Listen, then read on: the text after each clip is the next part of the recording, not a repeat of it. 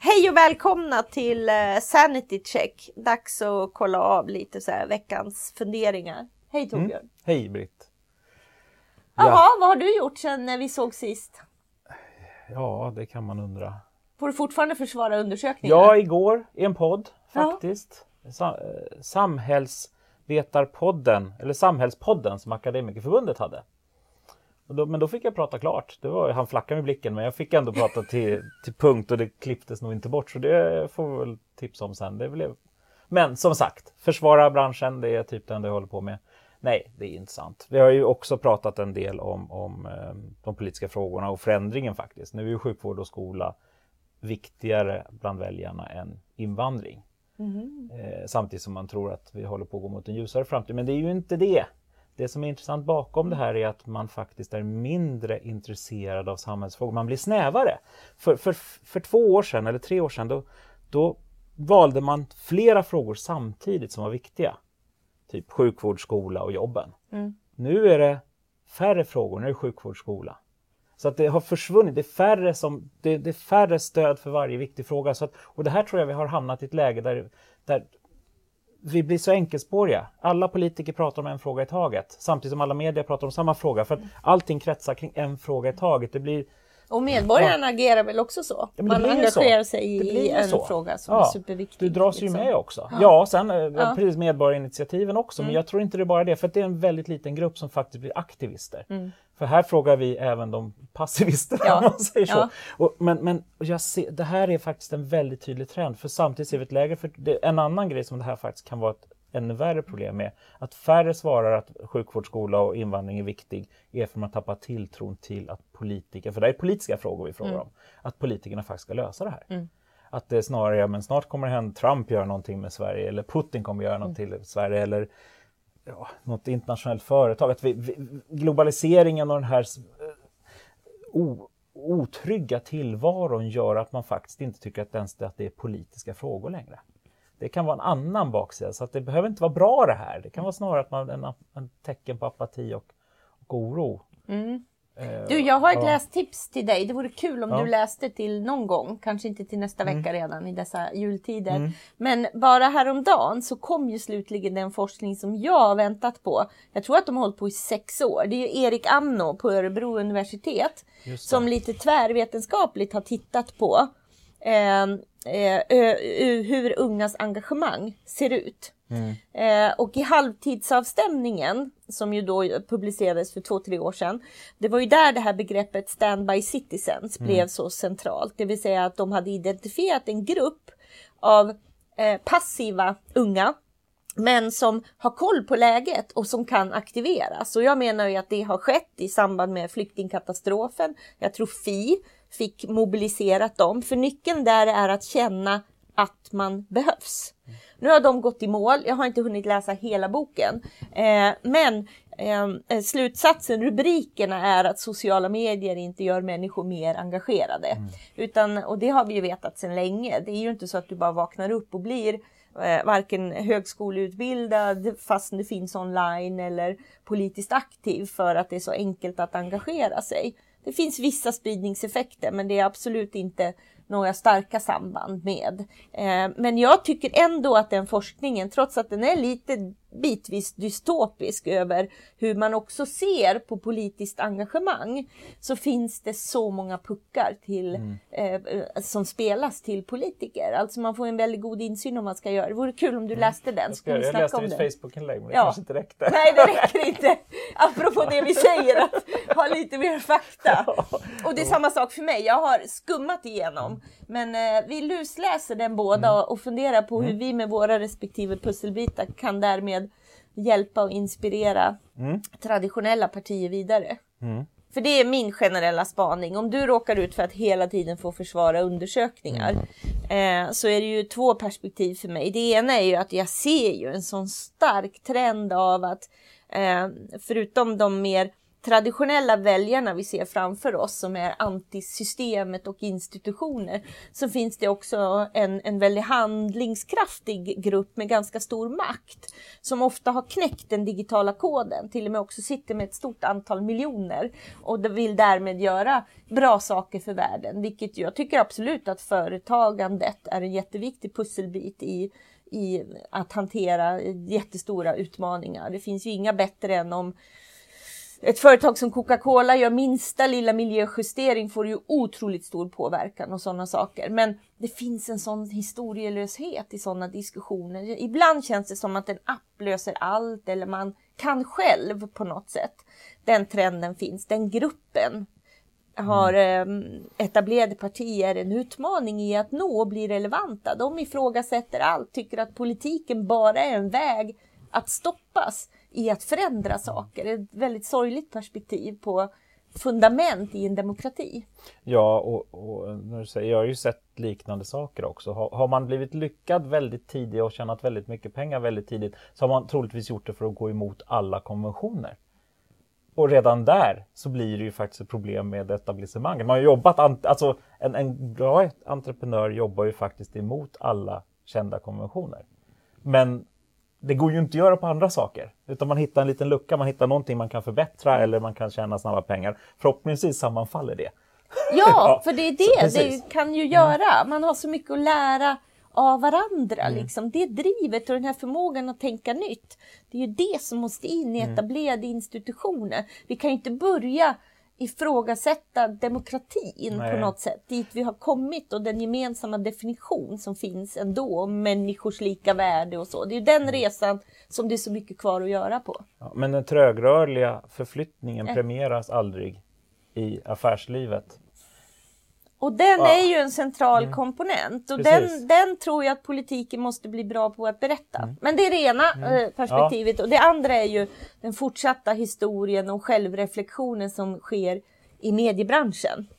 Om, om du hela tiden får det här, ja, men, funkar ens undersökningar, så tror jag journalistiken i sin eh, reflektion över vad var det som hände egentligen under 2016, eh, så är jag lite lätt oroad över lusten att förstå människors oro. Jag ser framför mig att all journalistik kommer ske utan någon som helst analys av något annat än köksbordssamtal för att försöka förstå oron.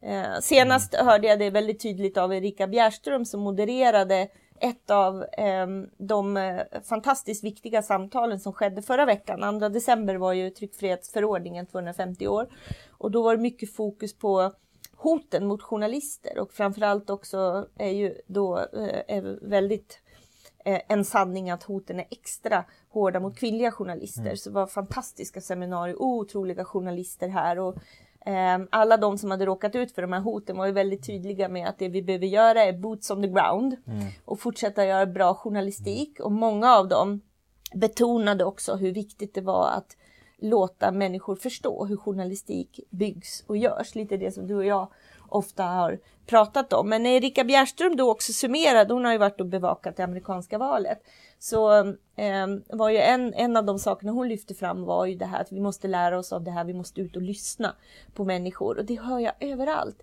Att ut till köksborden. Eh, men kommer det vara den bästa metoden? Nej, det är ju klart att det inte är. Alltså det, det, ser vi ju alltid i den här lilla rutan där man intervjuar, ja, vad, vad tycker du om det här? Och så har vi, eller någon, även i, i, i tv-sändningar också, att du ska ha en människa på gatan. Mm. Och då representerar den människan för gatan alla kvinnor eller alla män eller alla unga. Eller vad, alltså det, det är ju den bild, det är ju det bildspråket man gör. Men så är det ju såklart inte. Mm. Det är det, man går ju snarare i identitetspolitikfällan. Ännu mer. Ja, ja. Eh, och det är ju lite därför vi finns, undersökningsbranschen. Att det, opinionsundersökningar är inte bara väljarbarometern. Väljarbarometern är en är medial eh, slagträ för att hålla nerven i politiken i väldigt många fall. Det finns också bra grejer men det används snarare som någon form av fyrverkeri och skapa spänning. Eh, men allt annat vi gör är ju för att förklara mänskligt beteende. Det kan vara hela vägen ner till etnografiska studier som vi faktiskt jobbar med samt att göra ett, ett, ett tvärsnitt av, av en, en, åsikt bland svenska folket. Men allt däremellan, och det är det man behöver förstå, det är att ta ett steg tillbaka utifrån perspektivet. Inifrån perspektivet får du ju från köksbordet. Mm. Och du kommer få denna människas ögonblicksbild som är egentligen ett koncentrat av hela den, denna människas uppliv, upp, uppväxt plus om man har sovit dåligt eller inte. Mm. Alltså det blir ett men ja. vad är det för sammanhang man behöver ge då om man får den här rösten? Vad, vad gör det om man inte får sammanhanget? Om vi börjar där. Vad ja, tror du? Du tappar återigen perspektiven och det, det är ju där som jag hela tiden har, har ojat mig mm. över hur, hur, hur lätt du skiftar perspektiv genom att inte ge perspektiv. Mm. Det kan det, delvis den, den här klassiska falska balansen om, om eh, vaccinationens vara eller inte vara. Då har man hela expertkåren representerar en människa och sen så har vi någon kanske en kalkad professor på andra sidan som, som hävdar att det leder till autism. Sen kan det råka vara Trump ibland som faktiskt säger det här, mm. vilket gör det jävligt jobbigt. Mm. Men, men fortfarande är det en människa mot egentligen en, en massiv yrkeskår, men det syns inte i debatten. Då skapar det ju eh, det, det här förstärks ju också med en köksbordssamtal. Mm. Eller så kan det bli som det faktiskt var. Det var väldigt mycket inslag kring amerikanska valet där man intervjuade Trumps väljare och skrattade åt dem. Mm. Och det ser vi också i Sverige. De här unga arga männen som man höar åt och säger mm. att de är, de är ändå bara... I, alltså, Hillary Clinton fick mycket kritik för ordet deplorables. Det ligger faktiskt en poäng i det utifrån en politisk strategi att hon kan inte vinna alla väljare. Sen var det jävligt dumt ur ett kommunikativt mm. perspektiv. Men, men, men den bilden har vi också fått kring hela SDs väljarkår. Så nu har vi 18 procent av svenska folket som man tycker att ja, de är bara idioter och rasister hela gänget så egentligen vill vi inte ha dem. Och vad händer när du sitter och skrattar åt någon och säger att den personen är dum i huvudet? Ja, och hur Blir ser vardagen ut? När jag är ute och ja. föreläser får man ju ofta veta i förväg vem är SD-representanten ja. här och att det är väldigt liksom ja. vuxenmobbing i Precis. detta rum. Liksom. Och, och, och, då blir det ju såklart också en, och det förstärker ju med köksbordsintervjuer. Mm. Sen kan det vara, men, men gör man det rätt så ska du göra tvärtom. Du kan, hit, du kan ju ta ett utifrån perspektiv först. Det har jag faktiskt gjort med TV4 några gånger inför valet, att vi började med att göra undersökningar. Sen hittar vi den typiskt representativa människan och frågar vill du vara med i TV? Och det, det, det, kan man göra om man verkligen frågar, man kan inte bara ta ut någon. Men här gick vi ut och drog ett urval, så här har vi typiska moderater. Nej, och man kan ja. absolut inte ta det ur de digitala samtalen som nej, sker eller någonting precis. utan att uppleva nej, men, att men det här, är det. Ja. ja. Men, och då kunde vi göra så. Då, då blev det jätteintressanta inslag där man pratade om de, ex, de viktigaste politiska frågorna utifrån den, det politiska partiet och den valrörelsen med en typisk moderat till exempel. Mm. Och då kunde du göra det, men då hade vi gjort läxan innan genom att ha ett utifrån perspektiv. Vi hade gjort väldigt mycket intervjuer och, och även vår, vår samlade förståelse för det politiska de, de, olika politiska partiernas styrkor och svagheter och deras väljare. Då kan man göra det. Mm. Då kan det bli jättebra. Mm. Men tvärtom, då blir det kanske snarare förortssafari. Ja, ja. och sen alltså det man kommer ju eh, höra då är ju också mycket den, den oron kretsar ju. Eh, det kommer vara röster som lyfter fram digitalisering, mm. urbanisering, globalisering eh, som eh, ett problem och det är runt de faktorerna som man kommer känna en oro, är min gissning. Men och då blev det så uppenbart när jag, när jag funderade över det här tillbaka till en av de saker vi ofta har diskuterat. Det är ju hur, hur kommer journalistiken kunna beskriva de här företeelserna, att ge ett sammanhang för det när man själv är så hårt utsatt på grund av eh, till exempel digitaliseringen. Mm. Och hoten via det, alltså som ja, kommer via mejlen och allting. Det påverkar det i inget... alla led. Affären, ja. den vardagliga Precis. arbetssituationen. Lönen kom från papperstidningen. Och, ja. ja. Jo, och, och det, det blir ju faktiskt ett allt större problem. Och, och det går ju också att flytta över till politikens värld också. Att, att både, både media som, som blir allt mer pressad utifrån arbetsförhållanden och effektivisering och digitalisering och man är bara en liten kugge i någon form av räckviddsrace mm. eh, snarare än att faktiskt producera journalistik. Men medan politiken allt mer kommer allt längre bort från väljarna, i alla fall upplevs det utifrån väljarnas perspektiv. Relevansen för politiker och stark, starka ledare finns ju knappt längre. Nej, jag, alltså så, jag är helt över, man ser så tydligt att det är otroliga stålbad som journalistiken mm. har gått igenom som jag tycker att man bitvis har kommit igenom. Mm. Eh, Eh, det är ju vad eh, partierna går igenom mm. nu. Det är mm. precis samma mm. ifrågasättande och precis mm. samma självförtroende mm. som bara försvinner mm. fullständigt och så. Men, om vi, men hur mycket tror du att journalist, journalisternas egen verklighet, arbetsvillkor präglar i hur man till exempel beskriver digitaliseringen? Allt. Är det så? Ja, ja. på riktigt. Ja. Allt.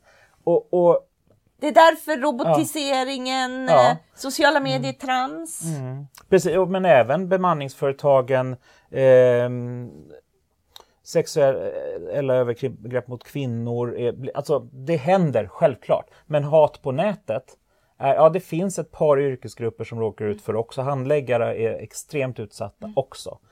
Men, men i, i journalistikens värld pratas det faktiskt inte som ett arbetsmiljö problem utifrån Arbetsmiljöverkets och lag, de lagar som finns.